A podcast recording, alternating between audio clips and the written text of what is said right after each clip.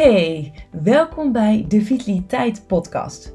Mijn naam is Lisa van The Body Practice en ik ben vitaliteitsexpert voor het MKB. En wekelijks deel ik in deze podcast mijn tips en adviezen die ik tegenkom bij mijn opdrachtgevers op de werkvloer.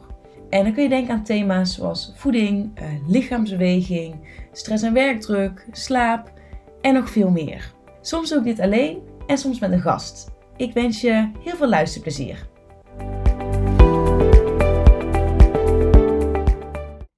Hey, welkom bij de allereerste podcastaflevering van 2024. Dit is aflevering uh, nummer 65. Waar ik vandaag met je over wil hebben is over um, energievreters waarvan je niet wist dat je ze had. Ik ben uh, sinds mijn burn-out heel veel bezig met herenergiegevers en energievreters. En eigenlijk is ja, dat vorige week is allemaal een beetje samengekomen. En ja, werd ineens het thema energievreters en eigenlijk ook energie en energielek. Ja, dat kwam ineens zo samen. Ik dacht, daar wil ik heel graag een podcast over opnemen. Omdat, um, nou ja, sowieso vind ik zo dit begin van het jaar wel eigenlijk een heel fijn moment om daar eens bij stil te staan. Uh, sowieso om je bewust te worden van, goh, waar gaat nou mijn energie naartoe? Waar uh, kies ik voor om energie aan te besteden? Ja, dat kan zijn aan mensen, aan, aan situaties, aan hobby's. En waar wil ik geen energie meer aan geven? En dat zijn natuurlijk um, best wel voor de hand liggende dingen waar je dan over na kan denken. En ik wil juist in deze aflevering ingaan op ja, energievreters en energielekken waarvan je, waarvan je niet eens wist dat je ze had. Dus die eigenlijk op onbewust niveau heel veel energie van je vragen. En ja, ik hoop dat je dus inspireert en dat je ja, wellicht bewust wordt van dingen die jou heel veel energie kosten, waar je eigenlijk helemaal nog niet uh, zelf op de hoogte was. Maar misschien dat je al een tijdje loopt en dat je denkt, ik ben heel veel vermoeid of ik zit er gewoon niet lekker in en dat je ook je vinger niet echt op kan leggen. Ja, en wellicht dat dat dus met een van deze uh, energievreters te maken heeft. Uh, die energielekken die je dan dus hebt in jouw leven, in jouw lichaam, die kunnen ervoor zorgen dat je, ja, zoals ik al zei, je vermoeid voelt, maar dat je dus ook niet je volledige potentie kan leven. Uh, het kan ervoor zorgen dat je het gevoel hebt dat je een beetje vastzit. En nou goed, ik hoop dus dat ik met deze podcast daar wat licht op kan schijnen zodat je eigenlijk die, door die energielekken niet wordt tegengehouden om je ja, om volledig te kunnen floreren, om in je kracht te staan, om helemaal lekker in je vel te zitten, om um, ja, te werken aan, aan de doelen die je hebt, um, wellicht voor dit jaar of überhaupt. Dus um, ik wil vandaag dus zes energievreters met je delen, die ja, niet allemaal heel erg voor de hand liggend zijn, maar die je wel enorm in de weg kunnen staan. Uh, dus doe er uh, zeker je voordeel mee. Mocht je nou deze aflevering en de Vitaliteit podcast in zich heel uh, leuk vinden, dan zou ik het onwijs waarderen als je een, um, uh, als je een review achterlaat. Dat kun je doen met uh, het aantal sterren, kun je het aangeven. voel je ook zeker vrij om een, een um, comment achter te laten. Vind ik alleen maar heel erg leuk om van je te horen. En op het moment dat jij ook een review achterlaat, dan zorg je er eigenlijk voor, hè, aan de hand van die sterren, dat de Vitaliteit podcast ook weer um, aan andere mensen wordt, wordt laten zien als suggestie. En zo ja, kunnen we ja, dit positieve uh, boodschappen die ik probeer te delen met de Vitaliteit Podcast ook verspreiden. En dan zijn hopelijk ook meer mensen ermee geholpen. Nou goed, die zes energievreters. Nou, de eerste is piekeren, malen en overmatig negatief denken. We leven natuurlijk in een maatschappij die heel erg gericht is op ons ratio. We worden heel erg gestimuleerd om echt vanuit ons hoofd, ons denken, ons uh, ratio te handelen. Met eigenlijk als gevolg dat je ja, dat je hoofd en dus ook je gedachten echt overuren gaan draaien. Ja, ofwel dat je gaat piekeren, dat je gaat malen. En dit is heel erg slopend voor je lijf. Want wanneer je piekert, dan ben je vaak bezig met negatieve gedachten, uh, met zorgen, met het overdenken van situaties. Dat, je een bepaalde situatie over en over en over op iemand afspelen bent in jouw brein. En wat er dan eigenlijk gebeurt, is dat dit kan leiden tot een verhoogde activiteit van in de amygdala.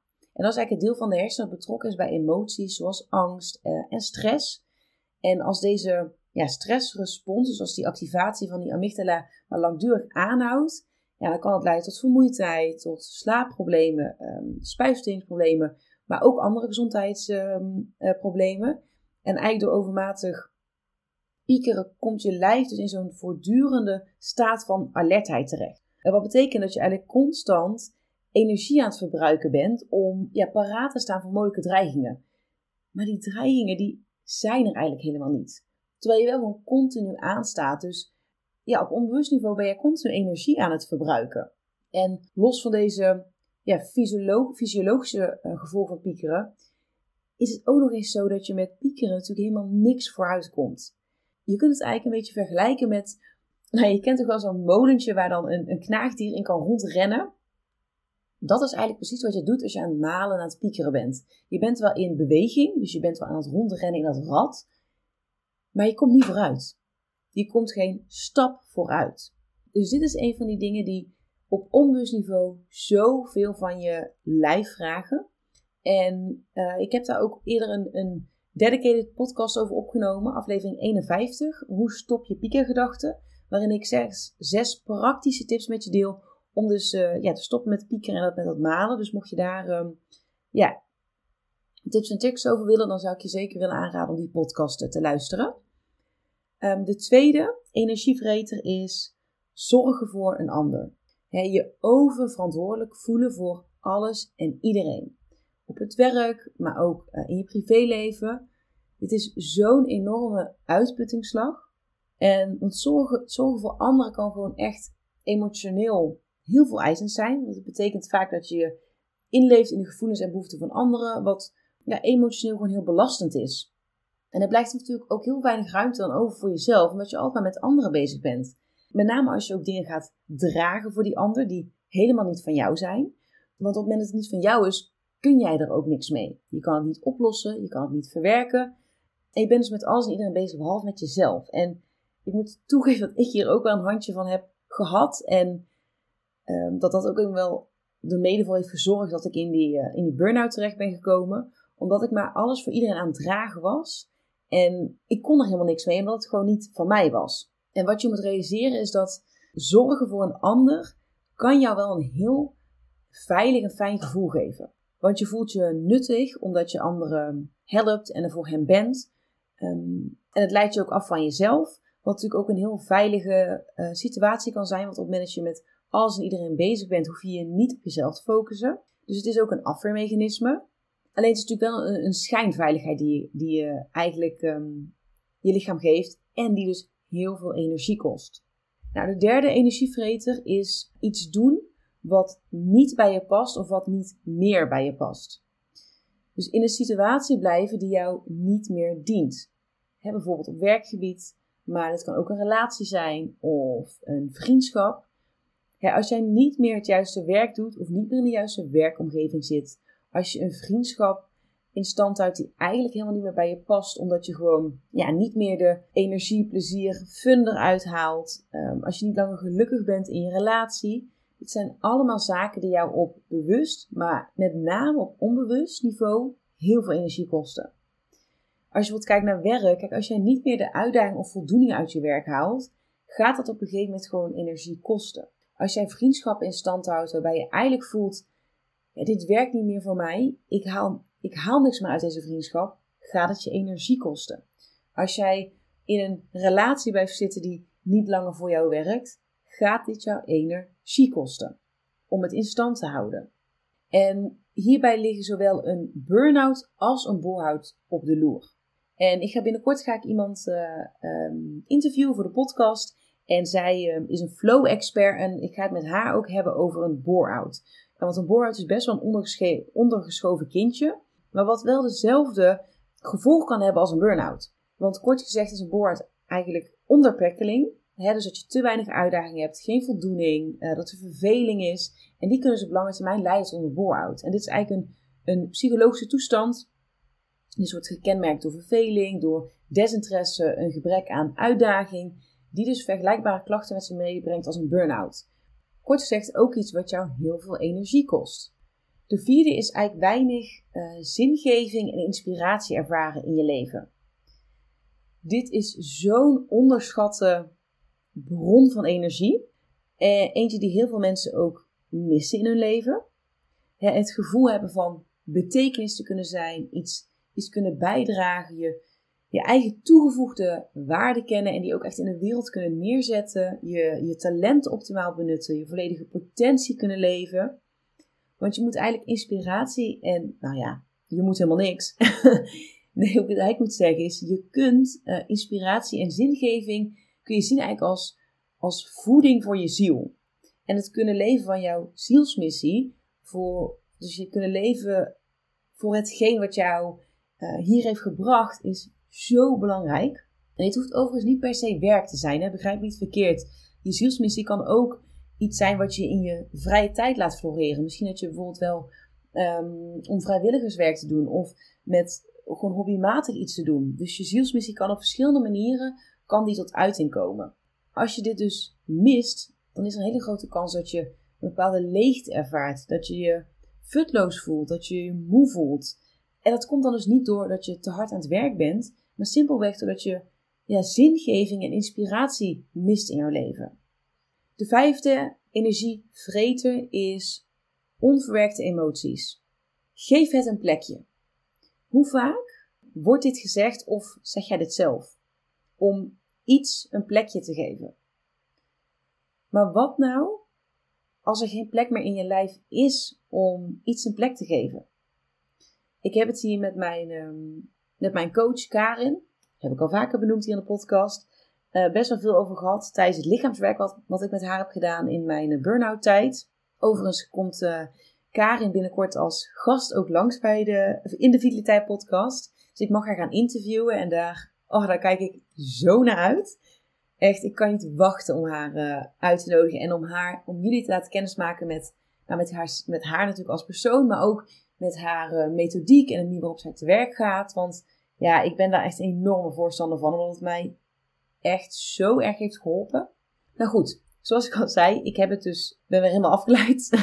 uh, ik heb het met haar dus vaak gehad over, ja, over de opmerking geef het een plekje. En wat zij daar ook over zei, ze zei, we moeten stoppen met iets een plek willen geven. Want iets een plek geven betekent dat je het opslaat in je lijf. En je wil het helemaal niet opslaan. Je wil het juist verwerken, je wil het laten stromen, je wil het helemaal niet met je meedragen. Want met jou meedragen betekent dat het belastend voor je is, dat het je energie kost en dat het gewoon, dat is heel erg zwaar. En dat is iets waar je op een gegeven moment, dat is iets waar ik bijvoorbeeld op een gegeven moment ook last van kreeg in de aanloop van mijn burn-out. Ik voelde gewoon dat er in mijn lijf geen plek meer was om, om dingen op te slaan, dingen met me mee te dragen. Waardoor het voelde alsof ik een soort van verzwaringsvest aan had. En dat kon ik ook niet afdoen, want het zat gewoon, het was allemaal opgeslagen in mijn lijf. En het kostte me zoveel energie tot het punt dat ik natuurlijk het niet meer lang kon dragen. En toen ik in die burn-out terecht ben gekomen. Maar dit soort emoties die dus niet verwerkt zijn, die kunnen ook ineens de kop opsteken. He, bijvoorbeeld in de vorm van frustratie, van irritatie, van boosheid, uh, angst, onrust, verdriet, um, een gevoel van machteloosheid. Dus dat zijn best wel verschillende ja, emoties die je dan ineens kan ervaren. En het kan ook heel verwarrend zijn, omdat het niet altijd direct een link heeft met de huidige situatie. En wat interessant is om te weten, is dat het woord emotie uh, letterlijk staat voor energie in beweging.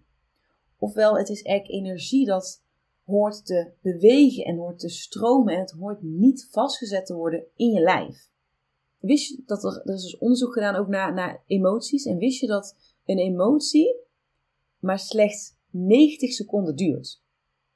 Het heeft een hersenonderzoeker heeft dit uh, ontdekt. Dat is een emotie vanaf het moment dat het eigenlijk ontstaat tot het verlaten van je lijf. Dat het slechts 90 seconden in beslag neemt. Dus maar anderhalve minuut. Maar doordat ons hoofd zich ermee gaat bemoeien en waar wij er een heel verhaal van gaan maken, kun je dus onbewust veel langer met zo'n uh, emotie blijven rondlopen en daarin blijven hangen.